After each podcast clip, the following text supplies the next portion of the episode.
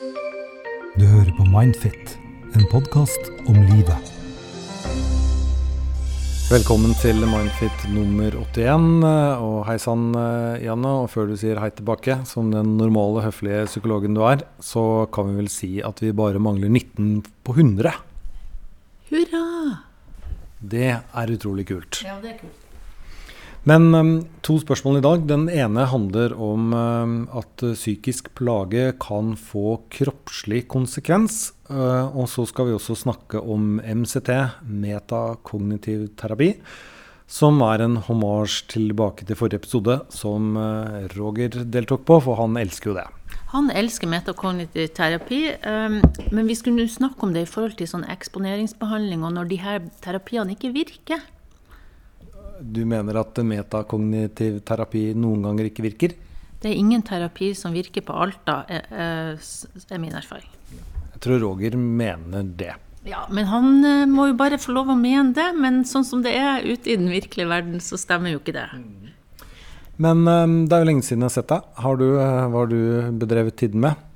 Jeg har eh, ikke gjort noe spesielt. Jeg ble helt blank nå. Jeg har nå sykla litt rundt, da, som du vet, i slapsføre.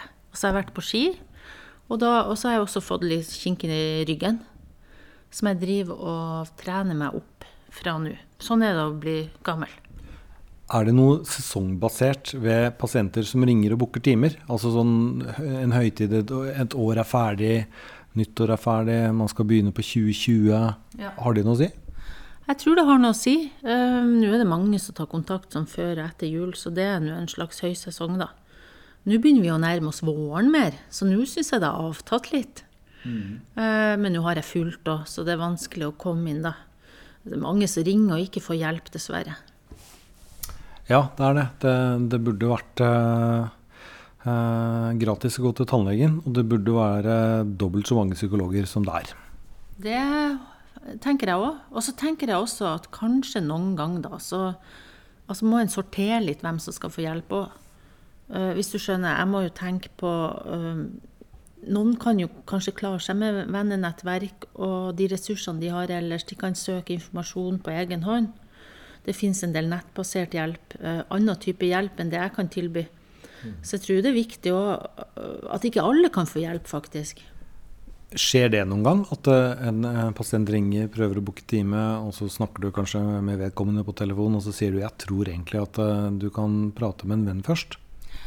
Det har ikke skjedd. okay. Men uh, før vi begynner, vi skal ta to spørsmål, som sagt, og vi har klart å oppsummere dem på en fin og høflig måte. Ja. Men um, la du merke til uh, neonskiltet vårt, vårt nye neonskilt, uh, når du kom hit i dag? Nei, som sagt, jeg var mest opptatt av at jeg var litt forsinka. Det er jeg vant til, så ja. du trenger ikke å stresse med det. Nei.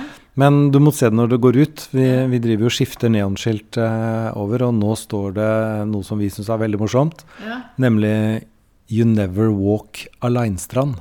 Å, oh, ordspill. Det må jo dere være glad i. Ja, det, vi lever av det. Ja, ja. Eh, du må egentlig da skjønne at det er en Liverpool-klubb som har You Never Walk Alone, og så må du liksom koble at Leinstrand, hvis du kobler en A til det, så kan det bli aleine, og at det da er morsomt eller dumt, da. Men da går vi i gang med det aller første spørsmålet, og da leser jeg Hei, jeg er en 16 år gammel jente som stadig opplever kvalme. Kvalmen kommer som en bølge hver gang jeg tenker på fæle ting som har skjedd i fortiden. Jeg har gått til BUP i rundt et år nå med to forskjellige psykologaktige damer, men dette er altså ikke kommet opp som et viktig tema, da det er mye annet å snakke om. På barneskolen opplevde jeg at broren til bestevenninnen min prøvde å ta livet av seg, noe som har preget meg meget mye eh, videre i livet. På ungdomsskolen opplevde jeg også utestengning og en enorm ensomhetsfølelse. Hver gang jeg tenker på disse tingene, blant andre, går steder jeg pleide å være i disse periodene, snakke med mennesker jeg var involvert med da, eller særlig bruker parfymen jeg brukte på ungdomsskolen, opplever jeg altså denne kvalmen. Jeg har lenge undret på om det rett og slett er assosiasjonen til dårlige perioder med mye problemer, om det er det som forårsaker kvalmen, siden det ikke er noe rent fysisk galt med meg, bortsett fra hjertestikk i emosjonelt eller fysisk anstrengende situasjoner. Hva tenker du om dette?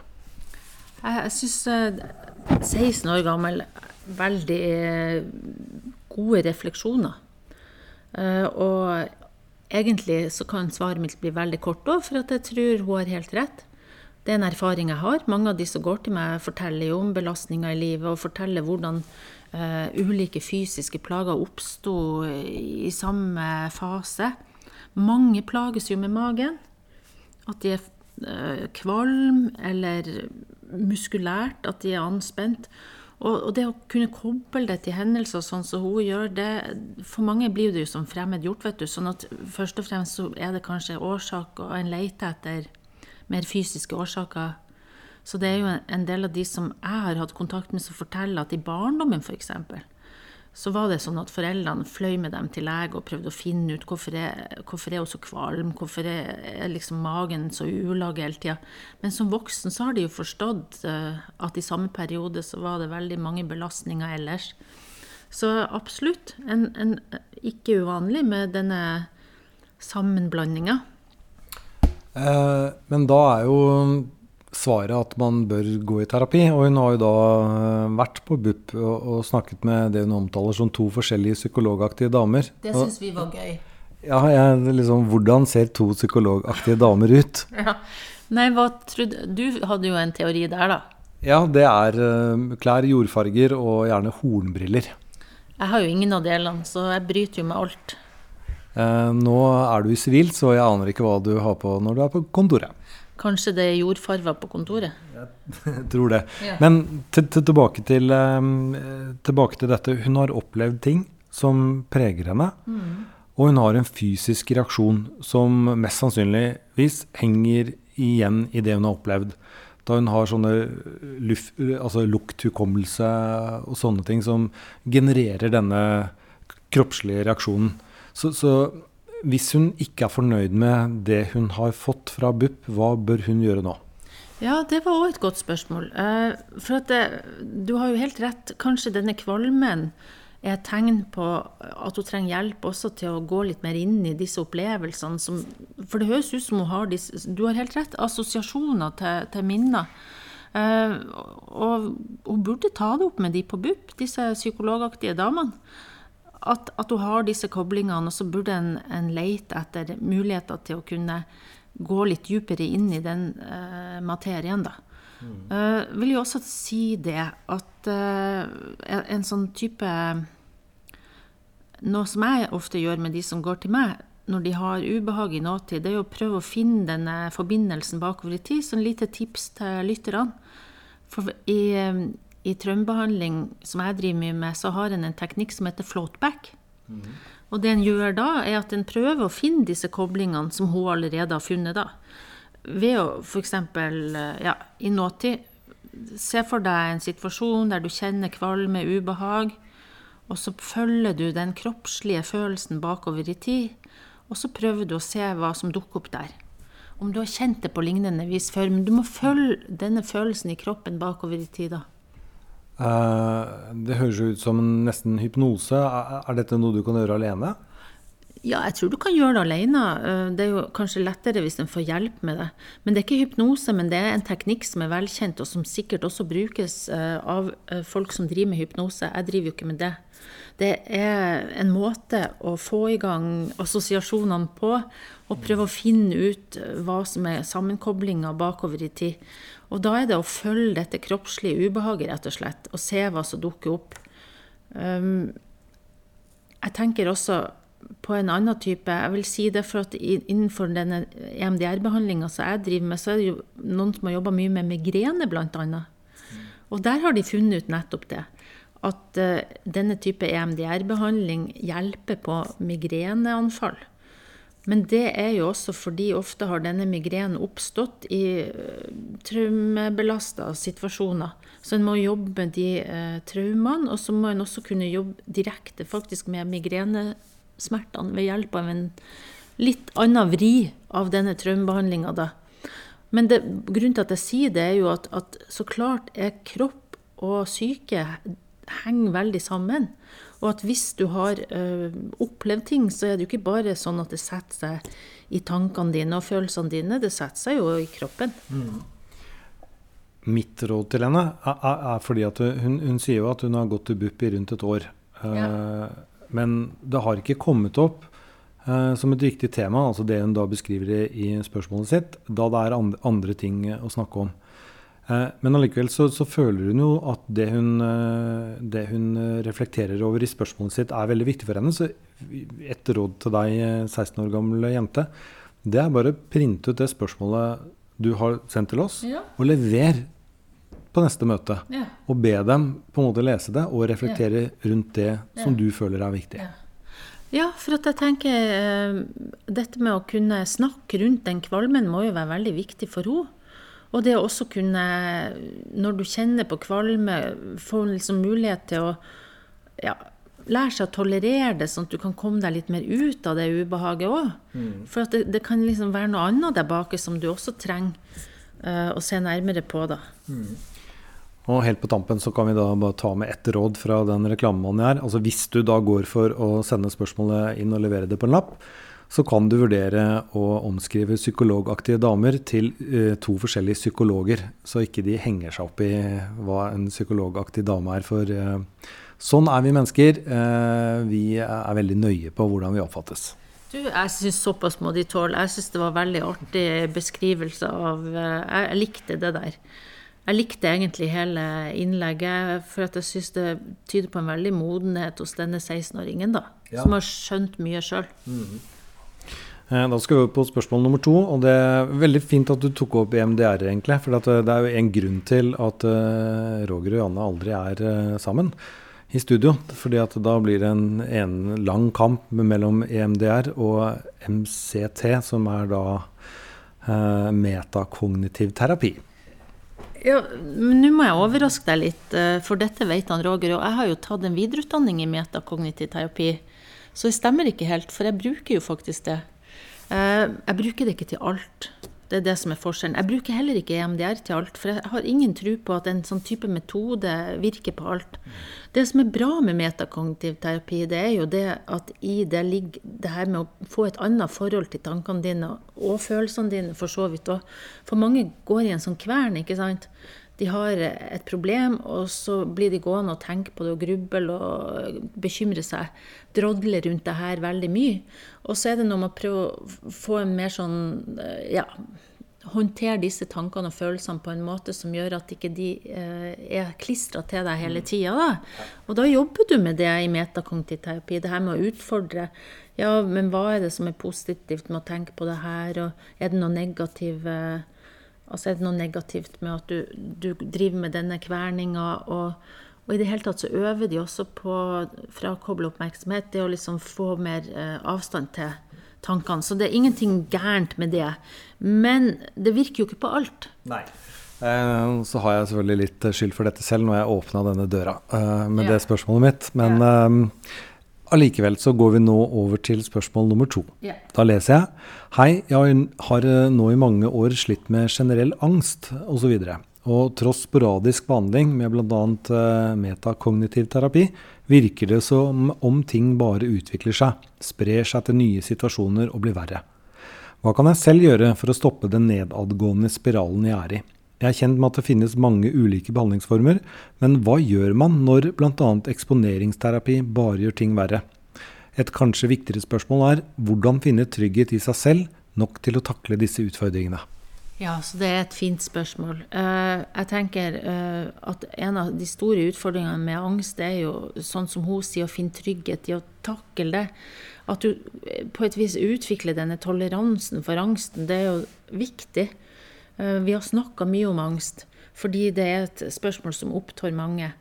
Eh, og når du driver med eksponeringsbehandling, da, som er det her at, at, det du er redd for, skal du liksom utsette deg for, så er det jo så viktig at forarbeidet er bra gjort.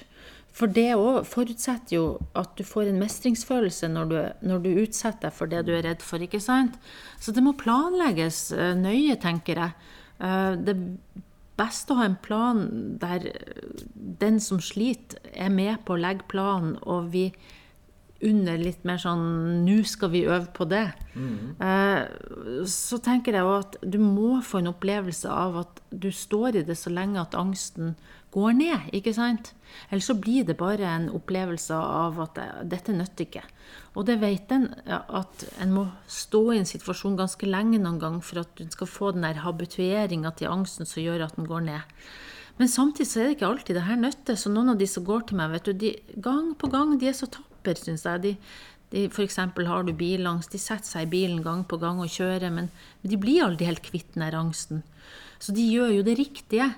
Uh, men de, de, har en sånn forventning eller ønske så klart om at angsten skal forsvinne helt, og den gjør ikke alltid det. Så jeg tror uh, at det handler mye om holdningen skal ha til angst òg. Altså skal en tenke at en må til en viss grad akseptere at angsten er der. Det tror jeg kan være et godt utgangspunkt. Og så være fornøyd med det en får til, tross alt. Eh, Istedenfor å henge seg opp i at angsten kom, og, og da blir det ikke vellykka. Hvis du skjønner, det er mange som tenker sånn. Og så klart du kan jobbe med teknikker og måter å håndtere det på mens underveis, sånn som i metakognitiv terapi, så jobber en med ikke sant, å bare latt de her Eh, symptomene som er plagsomme, være litt i fred. Ikke, ikke liksom gå videre inn i det, eller dypere og dypere ned i å bli opptatt av å løse det. Uh, men jeg tenker at uh, vi må jo bare ærlig innrømme at, at av og til så er ikke det sånn at det her nytter, eller at det hjelper. Og bli ikke kvitt problemet, angsten fortsetter å være der. Og da vil jeg tenke kanskje en må tilbake til dette med holdninga en har til seg sjøl, da Altså, det å ha angst er vel ikke det samme som å være en taper. Men jeg tror mange som har angst, de, de liksom tenker at hvis ikke de blir fri for angst, så, så er, de mislykka på et vis. Jeg tenker hvis de, hvis de lærer seg å håndtere angsten, eh, sånn at de kan leve et noenlunde bra liv med det, mm. så er det et bra mål. Det beste er å bli kvitt den helt, men, men, det er ingen av oss Altså, angst kan komme og gå, ikke sant. Sånn at det, jeg tror det er viktig å, å, å mer sånn ja. Mm. Det hadde kanskje hjulpet hvis um, f.eks. alle som har angst, uh, har en flamme som står opp av hodet. Og hvis man da går ned i byen, så vil man da bli overrasket og se oi, er det så mange? Ja, det er veldig mange som plages med angst. Og så tenker jeg det er grader av angst, det er viktig å få sagt. Noe er jo mye mer uh, ja, plags, altså med, altså noen har mer omfattende problemer enn andre, og det er innmari ubehagelig og angst. Sånn at jeg tror at noen av de som har vært uheldige i eksponeringsbehandling òg, altså at de har blitt pusha for mye og for fort, de mister jo helt motet. Sånn at eh, det, det, er noe med at når du ikke hadde angst sjøl, så er det vanskelig å forstå hva som er greia. Så jeg tenker eh, at vi, vi, som ikke ja, at det, Angst og være redd for meg, det er også sånn at det er litt glidende overganger her. Sånn at vi alle er jo redd av og til, og av og til får vi vel angst òg. Vi har alle noe vi kanskje er redd for eller har fobi mot. Mm. ja. Og, og, da er det noe med å, å kunne tåle litt det hos seg sjøl òg, da.